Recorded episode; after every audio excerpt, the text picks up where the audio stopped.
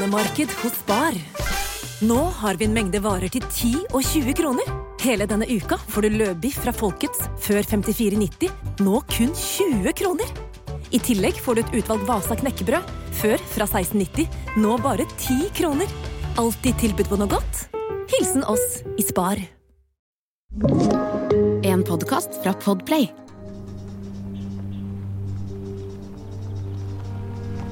Da hun svinger bilen inn grusveien, ser hun med en gang hvilket hus hun skal til. Det lyse trehuset med hvitgjerdet rullestolrampe. Håper at de er hjemme, for det er så kjedelig med bomturene på disse uventede besøkende. Tenker hun før hun ringer på den rosa dørklokka hvor det står skrevet Blanchard i løkkeskrift. Det tar litt tid, men til slutt åpner døra seg. Og hun ser en rund kvinne med kortklipt hår og med en fargerik kjole smile nesten overdrevent vennlig. God dag. Er det du som er Didi, mammaen til Gypsy Rose? Jeg er her fra barnevernet, sier hun, og ser at det store smilet stivner et øyeblikk. Før en lys, intens stemme inviterer henne inn. Inne i huset er alle gardinene trukket for, og luften og stemningen føles tett og klam. Hun spør om Gypsy Rose er hjemme, og Didi følger henne til det innerste rommet. Der sitter den unge jenta i rullestolen og smådupper og reagerer knapt på at de kommer inn i rommet. Hun ser seg rundt. Det er en underlig barnslig stil til å være tenåringsrom. Disney-figurer, rosa tyll og pastellfargede leker ligger overalt. Og i midten sitter Gypsy Rose med sløve øyne. Under den lysegule lua er hun skalla, angivelig etter cellegiftkurer. Og moren kan fortelle at datteren har hatt en slitsom natt med mye smerter og trenger å sove. På vei ut registrerer hun mye medisinsk utstyr i stua. Og på kjøkkenbordet ligger en matsonde. Men en uggen følelse er ikke nok til å ta affære. Og snart kjører hun vekk fra huset, som akkurat nå er et skjult fysisk og psykisk torturkammer. Og som snart skal bli åstedet for et bestialsk mord.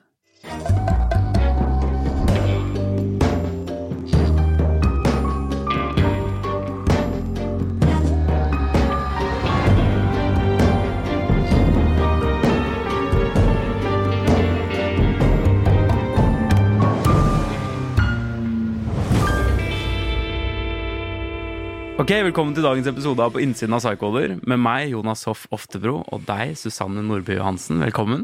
Hei, Jonas. Hei. Spennende sak i dag, da.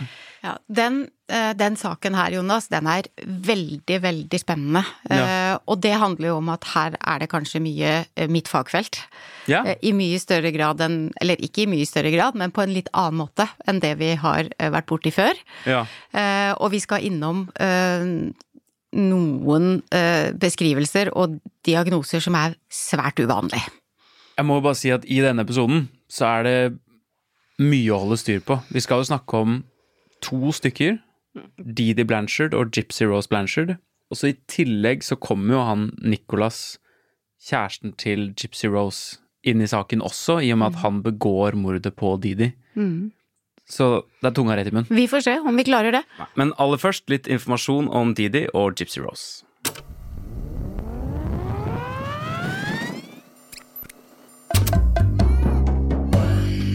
Didi Blanchard ble født i Louisiana, USA i 1967 som en av fem søsken.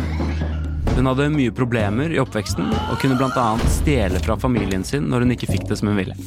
I nyere intervjuer har faren og stemoren uttalt at Didi var en fæl og slem jente som ingen likte.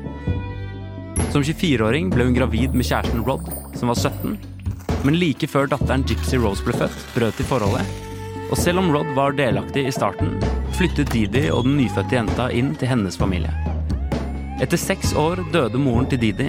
Da var hun kun 59 år, og ryktene sa at Didi hadde sultet henne til døde fordi hun var lei av å bli kontrollert og pirket på. På denne tiden hadde Gypsy Rose allerede vært innlagt på sykehus for det ene og det andre. Og hun ble presentert som at hun var flere år yngre enn hun var. Ifølge moren var hun både fysisk og psykisk utviklingshemmet, og etter hvert ble hun satt i rullestol pga. en alvorlig muskelsykdom. Alle helseproblemene gjorde også at Gypsy Rose ikke fikk gå på skolen. Etter å ha bodd hos familien i flere år, flytter Gypsy Rose og mammaen til en kommunal bolig i Slidell utenfor New Orleans. Og dagene gikk for det meste ut på å komme seg til og fra legetimer og sykehusinnleggelser. Og de var også fast inventar på sykehusakutten, ofte for de minste ting. Når legene ikke fant noe galt med Gypsy Rose, fant de nye leger og andre steder. Og sånn ballet det på seg. Etter å ha flyttet nok en gang, utvidet diagnosene seg slik at Gypsy Rose måtte få intravenøs næring, og hele hjemmet måtte bygges om til å bli rullestolvennlig. Etter hvert ble hun kjent gjennom flere talkshows som den søte, tapre jenta med den lyse stemmen, som på toppen av alt nå også hadde fått kreft. Noe som gjorde at Didi mottok mye veldedig pengestøtte. Rundt 2011 fikk Gypsy Rose tilgang på internett. Og etter hvert traff hun Nicholas Godejan, som hun ble kjæreste med. Jo eldre hun ble, jo mer forsto hun av hvordan moren hadde kontrollert og mishandlet henne. Og til slutt overtalte hun Nicholas til å drepe moren. Drapet skjedde i juni 2015, og Didi ble knivstukket 17 ganger mens hun sov i sin egen seng. Etterpå prøvde det unge paret å flykte, men de ble raskt arrestert. We, the jury, find the defendant Nicholas ble dømt til livsvarig fengsel, mens Gypsy Rose måtte sone en dom på ti år. Hun kan søke om prøveløslatelse til neste år.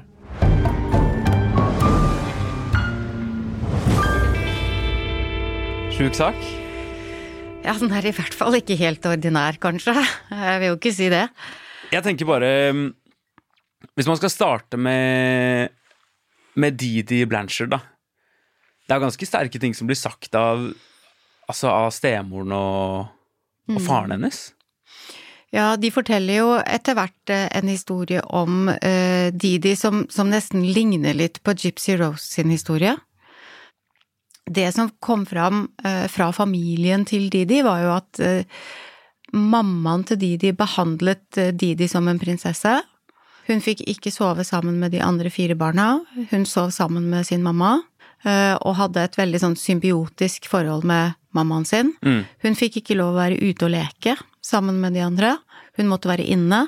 Ja. Eh, og hun ble sykeliggjort av sin mamma. Ja.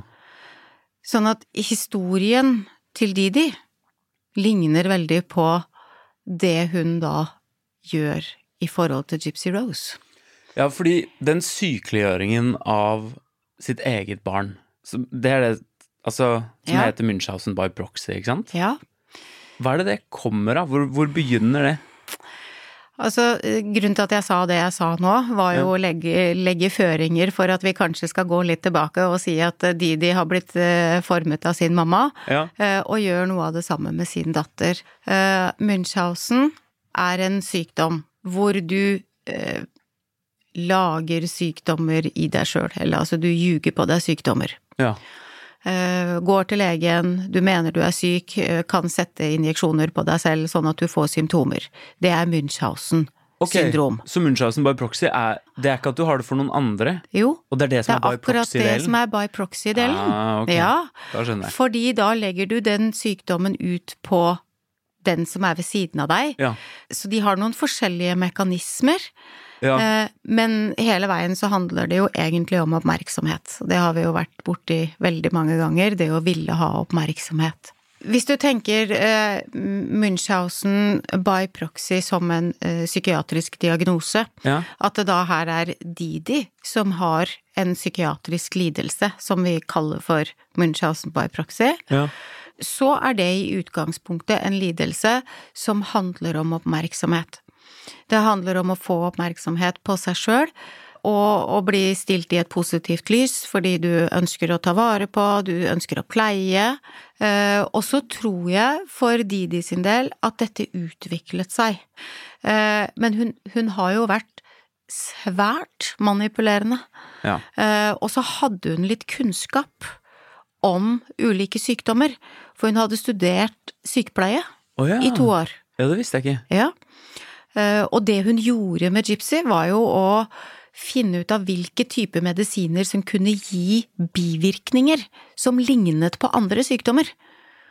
Eh, som hun da kalte den sykdommen, og gikk til legen og fikk hjelp for. Men det er jo helt jævlig! Altså, det, det jeg ikke skjønner, er at man på en måte kan utsette sitt eget barn for det. Da har man en eller annen empatiforstyrrelse. Ja, hun kan jo ikke ha hatt så fryktelig mye empati. Nei, og, annet enn for seg selv. Og det gjenspeiler jo også litt det forholdet hun har til liksom de foreldrene sine, som mm. sier at på en måte det er ingen som likte henne fordi hun var liksom bare slem. Enten så fikk hun det som hun ville, eller så var hun slem. Men hun kan jo kanskje ha blitt sånn, da. Var hun født sånn? Var, mammaen, var mammaen nødt til å ta vare på henne og beskytte henne, og hun fikk ikke lov å være sammen med barn fordi hun egentlig var slem? Ja. Eller er det mammaen til Didi som her har påført Didi en sykdom?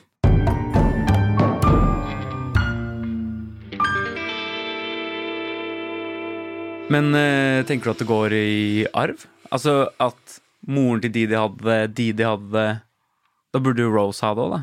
Ja, og det er litt interessant at du spør om det, Jonas. Ja. Fordi i går så satt jeg og så på uh, en serie på en av de her vi har sett. Og så sitter mannen min sammen med meg, og så sier han, når vi da så på intervjuet med Gypsy Rose, mm. uh, etter at hun hadde vært uh, innsatt i en del år, så sier han men er ikke hun like manipulerende? Har ikke Gypsy Rose akkurat de samme kvalitetene? For hun fikk jo Nicholas til å drepe for seg. Absolutt. Og vi har jo ikke snakket om det drapet ennå. Nei, vi kommer Som jo er ganske bestialsk. Ja. ja. Så han, øh, min mann, var da ganske opptatt av å si at øh, her ser det jo faktisk ut som dette har skjedd i tre generasjoner. Jeg, jeg forsvarte henne, da. Ja. Ganske fort. Ja, hva sa du da? Nei, da sa jeg det at ja, men hun er jo fullstendig ødelagt av mammaen sin. Ja. Hun er jo helt ødelagt av både fysisk og psykisk eh, terror og tortur.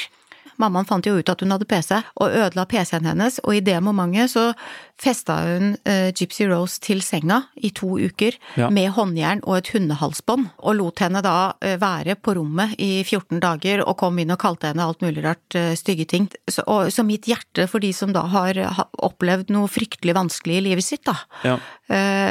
går jo ut med en gang. Og jeg tenker at hun er jo rett og slett fullstendig ødelagt av mammaen sin. Men så måtte jeg jo tenke meg om litt etterpå. For da ble du sånn ble Det sånn. er jo Didi kanskje også. Ja. Men stopp deg litt her. Kan man egentlig si det? Fordi altså, ja Didi hadde et lignende forhold Nei, altså moren til Didi hadde et lignende forhold overfor Didi som Didi har overfor Gypsy Rose. Mm. Men det er jo ikke det samme. I like stor grad. Altså, det Didi gjør overfor Gypsy Rose, er jo tross alt det bare eskalerer, Mye mer ekstremt. eskalerer og ut, utvikler seg og utvikler seg. Ja. ja.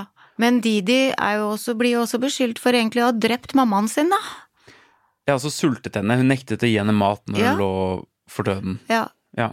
Hun var eh, svært overvektig, mammaen, og kom seg ikke ut av senga. Så derfor så hun fikk ikke mat av Didi. Ja. Så Didi dreper. Og det samme gjør Gypsy Rose. Hun dreper mammaen sin. Men det jeg mener er, ok, vi må snakke litt om liksom alle de inngrepene hun klarer å få til i sammenheng med det her, fordi eh, tross alt, Didi klarer jo å, å, få liksom alle slags mulige leger til å gjøre ting med Gypsy Rose. Hun klarer å få de til å hva heter det? Altså, sånn- Operere inn en PEG, som det heter, en sonde hvor du kan få mat, eh, fordi hun da ikke kunne spise fordi hun hadde noe som het reflukssyndrom. Ja, som hun ikke har. Som hun ikke hadde, men som hun faktisk også ble operert for. Eh, og da skulle hun jo i teorien kunne spise igjen. Men det er, det er, jo for å kunne kontrollere henne, er det ikke det? For å kunne velge hva hun spiser, sørge for at hun tar medisinen hun skal. Ja. Hun fikk jo mest sannsynlig veldig mye medisiner inn gjennom den sonden, eller den peggen, som eh, Gypsy Rose ikke hadde kontroll på selv. Nei. Eh, for der kan du jo sette hva som helst, for det er flytende næring. Ja, og så fortalte hun henne jo at hun hadde kreft, og at hun ga henne cellegift, og at hun derfor måtte barbere hodet fordi det var bedre å bare ta det før det falt ut. Ja. Og I tillegg så fortalte hun henne at hun hadde muskel, muskeldystrofi. Mm. Så hun måtte sitte i rullestol, for hun mm. kunne ikke gå. Mm. Men hun fortalte jo Gypsy selv i et intervju med, med Dr. Phil eh, at hun visste at hun kunne gå. Sånn at hun gikk om natta. Ja. Hun var oppe om natta og gikk, eh, men hun, i hverdagen så torde hun ikke noe annet enn å sitte i rullestolen. Fordi hvis hun prøvde seg eh, på noe, så fikk hun straff etterpå. Ja, men når du på en måte, når alt du blir fortalt av moren din er løgn, mm. så moren din lager jo et univers som på en måte er løgn, og så hindrer hun deg jo fra å sosialisere med andre mennesker. Mm. Da blir det jo på en måte noe sannhet i det. Det må være vanskelig for Gypsy Rose for eksempel å vite når moren sier ja, du kan gå litt. Det er jo Den virkelighetsforståelsen har du jo når du er liten. Ja. Altså, da er det jo mammas og pappas virkelighet som er uh, virkeligheten din, og du tror jo på det mamma og pappa sier. Uh, hjernen din må utvikle seg litt mer før du begynner å stille spørsmål. Uh, og de fleste får jo den utviklinga når de begynner på skolen. Mm. For da begynner jo læreren å være den som betyr mest. Ja. Og den virkelighetsoppfatningen til læreren blir jo den som er Og så går du hjem og, og venner, så, kanskje. Og, og venner, og så provoserer du mamma og pappa. Ja, men du sa jo det var sånn, men det sier ikke vennene mine, så det tror jeg ikke noe på. Mm. Men hun hadde jo ingen sånn form for stimulering. Sånn Nei. at det mammaen hennes sa, var jo virkeligheten til Gypsy. Ja, det er det jeg mener. Så, sånn som når hun sier at hun visste hun kunne gå, hvor, i hvilken grad vet hun at hun kan gå, da? Altså sånn Moren hennes sier jo det, hun kan gå litt. Ja, men jeg forsto det på Gypsy Rose at hun visste at hun kunne gå helt ordentlig, men ja. at hun ute blant folk ikke torde å gå ut av rullestolen eller å gjøre noen antydninger til at hun kunne gå, fordi da ville hun få sånn type straff som håndjern og, og hundehalsbånd og uh, slag i etterkant av moren. Ja. Uh, så, så det, det, hun har levd, det er jo tortur. Det er jo et strafferegime. Ja, for det kan ikke ha vært litt kjærlighet der òg? Det kan ikke ha vært at Didi på en eller annen måte tenkte at hun tross alt lagde et liv for de som var ganske bra, da? Jo, hun lagde jo et liv, men den livet var jo en løgn. Ja, det er en løgn, ja, men ja. det kan jo være bra likevel. Ja, så lenge du ikke slår barnet ditt og, og torturerer barnet ditt og gir barnet ditt uh, trusler. Absolutt. Jeg tror bare jeg er interessert i liksom hva som får deg til å gjøre de tingene. Om det bare er egen vinning og egeninteresse, eller om hun faktisk tenker at hun også lager et liv for datteren sin som er noenlunde bra, da? Eller tror du hun er bevisst på at dette er helt jævlig, liksom? Alt det jeg gjør er helt jævlig? Jeg tror det er tosidig. Ja. ja. Eh, jeg tror hun eh, bevisst eh, jeg håper å si, fòrer henne med medisiner, så du kan ikke si at ikke det er bevisst. Når Nei. du leser, hvis du så har sett bilder av det medisinskapet, så det var jo ikke bare et um, vanlig medisinskap med rødt kryss på. Det var, jo, det var jo et uh, Det er sånn walk-in kjøleskap? Walk-in closet-opplegg ja. uh, med medisiner. Sånn at uh, hun gjør jo en bevisst handling ja. når hun gir datteren sin medisiner for at hun skal få bivirkninger, sånn at hun skal se ut som hun er syk. Men det kan jo da også ha vært Didis litt sånn forvrengte eh, virkelighetsbilde av hva som fører til at datteren min elsker meg, jeg elsker datteren min. Um, og, Munchhausen uh, by proxy er en sykdom. Og det er jo ikke alltid at du er like bevisst. Uh, for hvis, hvis, man vekk, hvis, man tar vekk by proxy og, og sier bare Munchhausen syndrom, så er det jo sånn at de faktisk tror at de er syke sjøl òg. Altså, de kontakter ikke lege bare fordi at de uh, påfører seg selv sykdom, det er i utviklingsstadiet. Men de som har Munchhausen, de mm. tror jo faktisk at de er syke. Vi kaller det ofte helseangst. Altså, vi, vi, vi tenker ikke Munchhausen først. For vi har en diagnose som heter angst og helseangst og Ja, men den er hypokonder? Kanskje hjelpeapparatet vil forklare det med hypokonderi i men... starten, som er nevrotisk. Uh, men hvis du ser et helt bilde på Munchhausen, så er det uh, noe annet som driver det. Etter hvert da ønsket om å bli sett som syk. Og det er jo ikke friskt. Men jeg sliter litt med å skjønne hvordan det funker by proxy. Altså, ja, da, da, har hun først det... trodd at datteren har vært syk, og så har hun tatt henne med til legen, og så har hun funnet at hun ikke er syk, og så mm. har hun hatt lyst til at hun skal oppleves som syk. Mm. Så overfører hun det på datteren sin. Det er jo det som er by proxy. Ja. At du overfører den uh, I starten er det jo redsel for at du er syk, ikke sant. Det er jo mye angst i det uh, mm. i begynnelsen. Og så ser du jo etter hvert at du kan oppnå noe. Du oppnår å få oppmerksomhet, du oppnår å få medisiner. Og da blir du rolig, da blir du trygg. Mm. Da har du fått behandling. Da mm. blir du bra. Ja. Da roer det seg ned. Inntil det da går over det som du da har hatt nå, og så må du få noe nytt. Mm. Og det er jo det som skjer hele veien i utviklinga til Gypsy Rose, er jo at omtrent en gang i året så er det jo en ny tilstand som må vurderes, og som enten må opereres eller sørges for at hun får en eller annen type medisinsk hjelp. Ja. Og det starter jo når hun er fire år. Men det, blir, det er sånn avhengighetsgreie, da. Fordi For meg høres det der litt ut som når jeg snuste.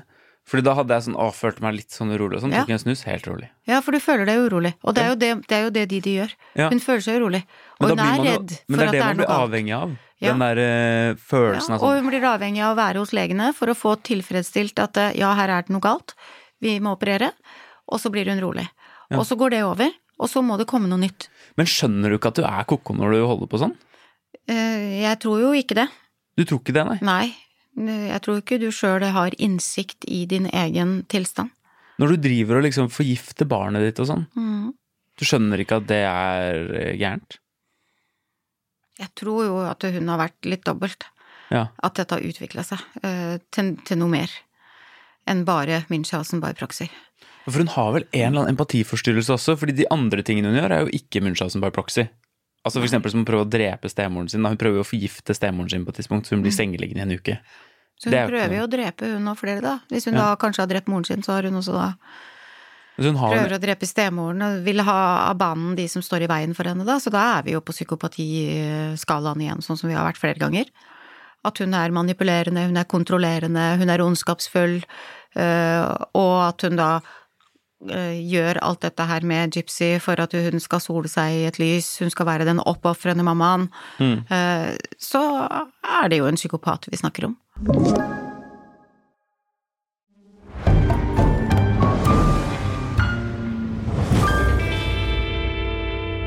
Ok, vi må, vi må, gå litt videre. Vi må snakke litt om Gypsy Rose òg. Isolasjon har vi pratet litt om forrige gang, f.eks., med Ed Gean. Mm, ja. Men uh, Gypsy Rose blir jo isolert.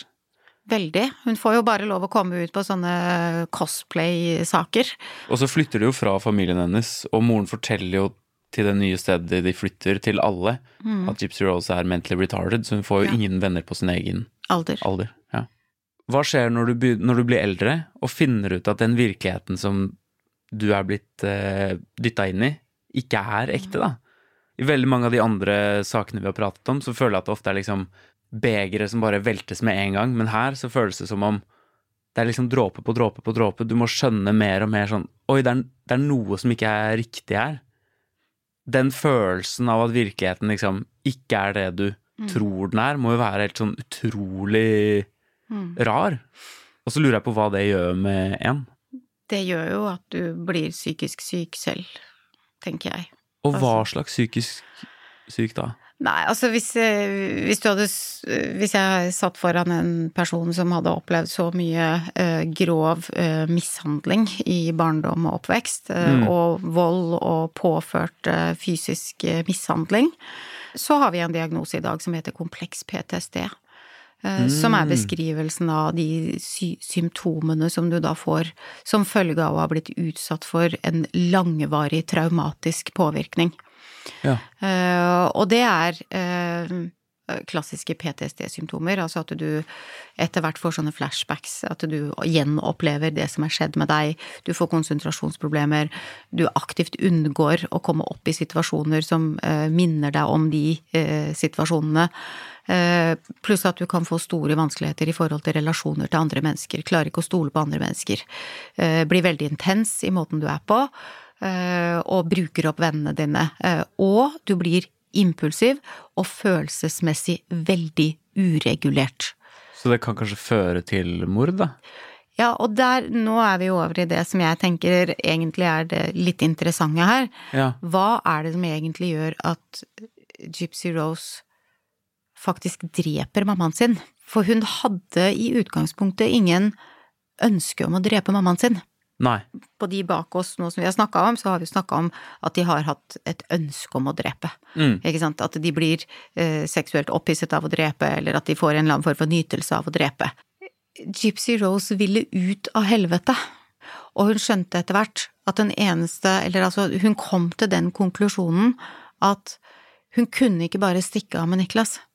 Nei. Hun kunne ikke bare rømme. Ja. Men det er litt interessant, det der, fordi at de, nei, Gypsy Rose er her drevet av en annen fantasi. Hun kommer fra én virkelighet, Ja. som er mammaens fantasivirkelighet med henne og prinsesser og alt. Ja. Og så møter hun en gutt, og han blir fantasien. Hun skulle gifte seg, hun skulle ha familie, Ja. eh, hun var forelsket. Hun sa på et eller annet intervju Niklas sier at han fortsatt elsker meg, og at han gjorde det for meg fordi at han elsker meg. Mm. Men jeg har skjønt at det er forskjell på å elske noen og være betatt av noen. Det sa hun etter at hun hadde vært eh, innsatt i eh, fengsel i noen år. Så hun har brukt en forestilling om et bedre liv Ja. til å komme seg ut av det. Og det tror jeg ikke var med en, egentlig en tanke om at hun hun ønsket ikke å drepe mammaen sin, men det var den eneste utveien. Ja. ja, fordi hun prøver jo å stikke av. Men hun kommer seg aldri vekk. Så hun Hæ? føler seg jo fanget, da. Og Og hun var jo fanga, praktisk talt. Men hva tenker du er vendepunktet, Susanne? Tenker du det er uh, at hun får seg internett og begynner å prate med andre folk? Og er det et klart vendepunkt her, eller er det på en måte en sakte tikking? Jeg tror det er en utvikling. Ja. Ja. Eh, Den går over tid, da, i Mm. ungdomsåra hennes. Eh, For hun er jo 19 år eh, når dette drapet skjer. Ja. Ja, ja. Dette er, Gypsy Rose er et veldig, veldig skadet barn, altså. Ja, ja. Eller en skadet voksen person. Og det merker man jo også i de liksom, sosiale relasjonene hun etter hvert har. Altså i det forholdet til han Nicolas òg. De oppfører seg jo veldig som to barn som planlegger et mord. Men det er den merkeligste formen for premeditert liksom, drap det her. Vi har Nei, det syns jeg ikke. Jeg syns ikke det er merkelig. Måten det gjøres Nei, på. nei ikke, ikke i forhold til den verden som Gypsy Rose levde i. Det var den eneste måten du kunne gjøre det på. Altså, det er logisk. Det er ikke, kanskje ikke logisk i ditt hode, men det er en logisk tanke hos Gypsy Rose, for hun visste at hvis ikke jeg gjør det på den måten, så får jeg, kommer jeg ikke ut. Den følger jeg. Men det jeg mener er, når jeg sier det er den merkeligste formen for premeditert drap vi har snakket om, så mener jeg bare fordi det skiller seg så fra normen fordi de to har en så rar virkelighetsoppfatning. Så når de snakker sammen på Facebook, for eksempel, så forteller De skriver jo åpent ned hva de har tenkt å gjøre. Og så i tillegg så snakker jo han liksom later som eller kanskje han tror han har det, en sånn splittet personlighetsforstyrrelse. Men når du hører intervjuet med han, så er han jo en ikke så veldig intelligent og litt enkel fyr, Ja. han Nicolas. Han hadde jo noen diagnoser, han òg. Og det er det jeg mener med at det er så utrolig merkelig premeditert, for det er helt sånn derre Eller har uh, Gypsy Rose vært like manipulerende som mammaen var, og forstått at dette er en svak gutt? Han kan jeg manipulere. Det kan hende jeg har et motargument for det. Når de først liksom har gjort det, så får hun jo enormt dårlig samvittighet med en gang. Når drapet først er gjort, så rømmer de jo til moren og faren til Nicolas. Ja. Og så får hun så dårlig samvittighet at hun logger inn på Facebook-profilen til moren sin og skriver sånn 'The bitch is dead'. Ja. I stabbed her and then I raped her innocent daughter. Ha-ha-ha, lol, she's so dead. Mm. Og den IP-adressen sporer jo politiet med en En gang, gang. til moren og faren til Nicolas, Mm. og så finner de henne. Og det er også det som gjør at de finner Didi. De var jo, da kan du jo på en måte kanskje si at de, de gjorde dette her litt uten å tenke seg om, for de jo, gjorde jo ingenting for å prøve å skjule seg når de reiste tilbake til Nicolas. Eh, De ble jo sett på bussen, de ble sett i drosjer, de ble jo eh, filma på alle mulige steder. Så politiet fulgte jo bare veldig enkelt spora deres eh, opp til Wisconsin. Dette er premeditert, men dette er ikke Nei, men det, gjennomtenkt. nei, det er, er det da svak intellektuell evne, da? Det er jo det er det er. umodenhet. Og jeg tenker jo at eh, Gypsy Rose har jo egentlig aldri fått utvikle seg. Nei. Eh, Og hun har jo blitt døtta full av så mye medisiner og rare ting opp gjennom livet, så at hun har en, også en skade, sånn, som jeg kanskje ville tenke hjerneorganisk sett, da, på alt det den mammaen har putta inn i kroppen hennes. Mm. Det er jo sannsynlig. Men jeg syns, når, når vi ser intervju med henne etter, etter fem-seks år i fengsel, så syns jeg jo faktisk at hun fremstår ganske oppgående. Jeg syns jo hun virker mer oppgående enn han, for eksempel. Ja, men han har jo da faktisk en, eh, en utviklingsforstyrrelse. Um, Jeg skal innrømme at jeg syns litt synd på han. Fordi Ja. altså, han gjorde, det han gjorde var helt grusomt. Men han sitter jo og er sånn Ja, jeg gjorde faktisk det, og Men det er jo bare fordi jeg elsker henne, henne, og jeg ville at vi mm. skulle ha et liv, og jeg ville at hun skulle slippe fri, og jeg hadde aldri gjort det utenom det, og Han, han har bare havna i en situasjon som han egentlig ikke skjønte konsekvensen av, tenker jeg. Og så var han vel kanskje da, i sin litt enkle verden, veldig forelsket i Gypsy. Hun sendte han jo ganske sånne utfordrende bilder underveis òg, da, på nettet. Kledde seg ut, masse cleavage, viste pupper. Hun gjorde jo en del sånne ting før, eh, før de faktisk da uh, endte opp med å bestemme seg for å drepe mammaen, da. Så hun utvikla seg fra den eh, prinsessa til å, å, å faktisk kle av seg litt, vise seg litt fram. Så det vitner jo om at hun har en del ressurser for å da kanskje manipulere han. sånn at jeg, jeg må jo, kommer jo tilbake til at mannen min kanskje ikke var så dum allikevel. Uh, at han faktisk hadde litt rett. At hun, hun, Kanskje hun har tenkt at jeg skal finne en eller annen der ute som kan hjelpe meg med dette her. Men jeg merker jeg får Jeg blir sånn som du ble når mannen din sa det til deg. Jeg, jeg har så sånn vondt av Gypsy Rose at jeg på en måte kutter henne litt slack. Her har vi kanskje en kombinasjon av arv og miljø. Veldig mye tydeligere enn det vi har hatt i de andre sakene, kanskje. Mm. Arven her er den psykiske sykdommen. Miljøpåvirkninga er helt forferdelig. Ja. Uh, og det vi ser uh, når vi da uh, kanskje tenker at Gypsy Rose var manipulerende, kontrollerende Kanskje det er den arvelige biten. Men altså, hvis jeg skal være helt ærlig, liksom sånn empatimessig i meg, så syns jeg at det verste hun gjør, er egentlig overfor han Nicolas, ikke overfor moren sin. Mm. Jeg syns at hun moren har gjort så jævlig mye slemt mot hun Gypsy Rose. Men det er jo derfor jeg sier at her er det jo en eller annen form for arvelig manipulasjon. Ja, det... At det kommer igjen i hun i Gypsy. Ja. ja. For hun bruker jo også en annen person til å vinne det, oppnå det hun vil. Ja, og, og Didi brukte jo andre til å oppnå det hun ville. Ja, og så tar hun på en måte livet av Didi, selvfølgelig. Hun, men hun tar jo også 30 år av livet til Nicolas, da. Ja. Men det virker det ikke som hun tenker så veldig mye over i de intervjuene som er med henne i fengselet. Så hvor er empatien til Gypsy Rose, da? Og da kan du jo si at hun kanskje er skadet fra starten av. Ja. Empatiforstyrret. Ikke som en arvelig greie, men hun har ikke utviklet det, rett og slett. Ok, hvis, det, hvis man skal liksom oppsummere Gypsy Rose og prøve å liksom finne ut av hva man kan kjenne seg igjen i, da ønske om kjærlighet, ønske om å bli sett av mammaen sin. Ja. ja ønske om å være Altså, hun, hun, sier jo at hun er glad i mammaen sin uh, mm. fortsatt, selv om hun drepte mammaen sin. Ønske om å være fri, kanskje? Ja, altså, det er jo da neste steg. Hvorfor ja. gjorde hun det hun gjorde? Å kjenne seg igjen i at å ønske å ikke bli kontrollert og ikke manipulert. Ja, for her føler jeg at det går an å kjenne seg litt igjen i Ja, men ville du drept?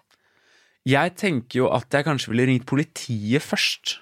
Eller barnevernstjenesten her i Norge, kanskje. Ja, Barnevernet har jo vært innom, det snakker vi om i åpningshistorien, og det, ja. det funker jo ikke. De ser jo bare en oppofrende mamma. Men kanskje man må drepe, da? Hvis alle innsatser i systemet svikter deg? Mm. Du er helt alene, det er ingenting du kan gjøre, og du blir lenket fast i sengen og mm. torturert i to uker hvis du prøver å stikke av, liksom. Men er dette faktisk da en situasjon hvor vi kan forsvare det drap, da? Ja, men det er det, liksom. Eller For man skal jo aldri drepe, liksom. Det er jeg jo enig i som grunnprinsipp. Men hvor går den grensen på sånn Hvor mye skal du la deg torturere og ødelegge før det på en måte kanskje da? Kanskje handlinga blir mer forståelig når det gjelder Gypsy Rose enn en Peter Lundin og ja. Ed Gean, for eksempel. At vi har lettere for å sette oss inn i det når personer blir så mishandlet over tid.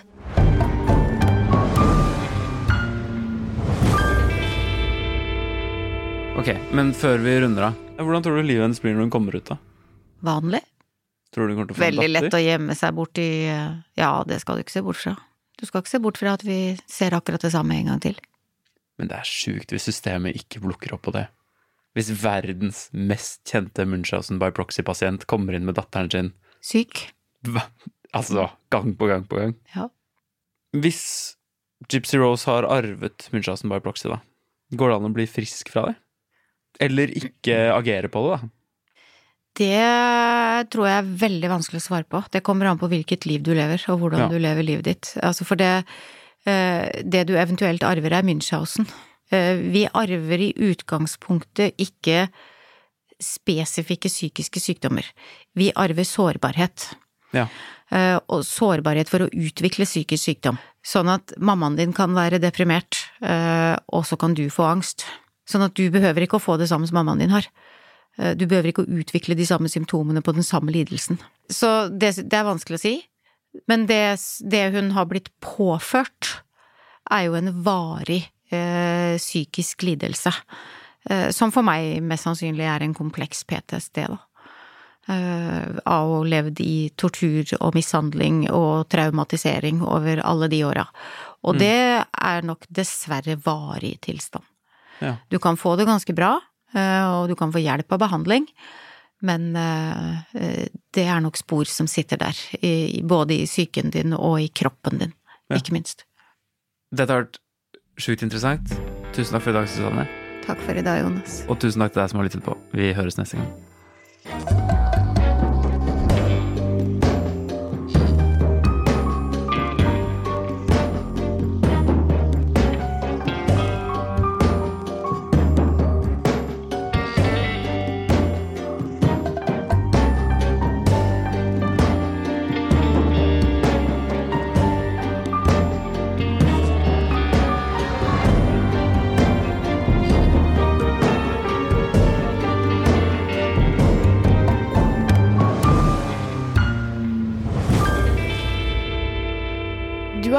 På innsiden av Psykoder. Denne podkasten er produsert av Freemantle Podcast for Podplay og Bauer Media. Programledere er Susanne Johansen og Jonas Oftebro. Produsent er Kjersti Kvam. Og musikk og lyddesign er laget av Espen Rogne. Du har hørt en podkast fra Podplay. En enklere måte å høre podkast på. Last ned appen Podplay, eller se podplay.no.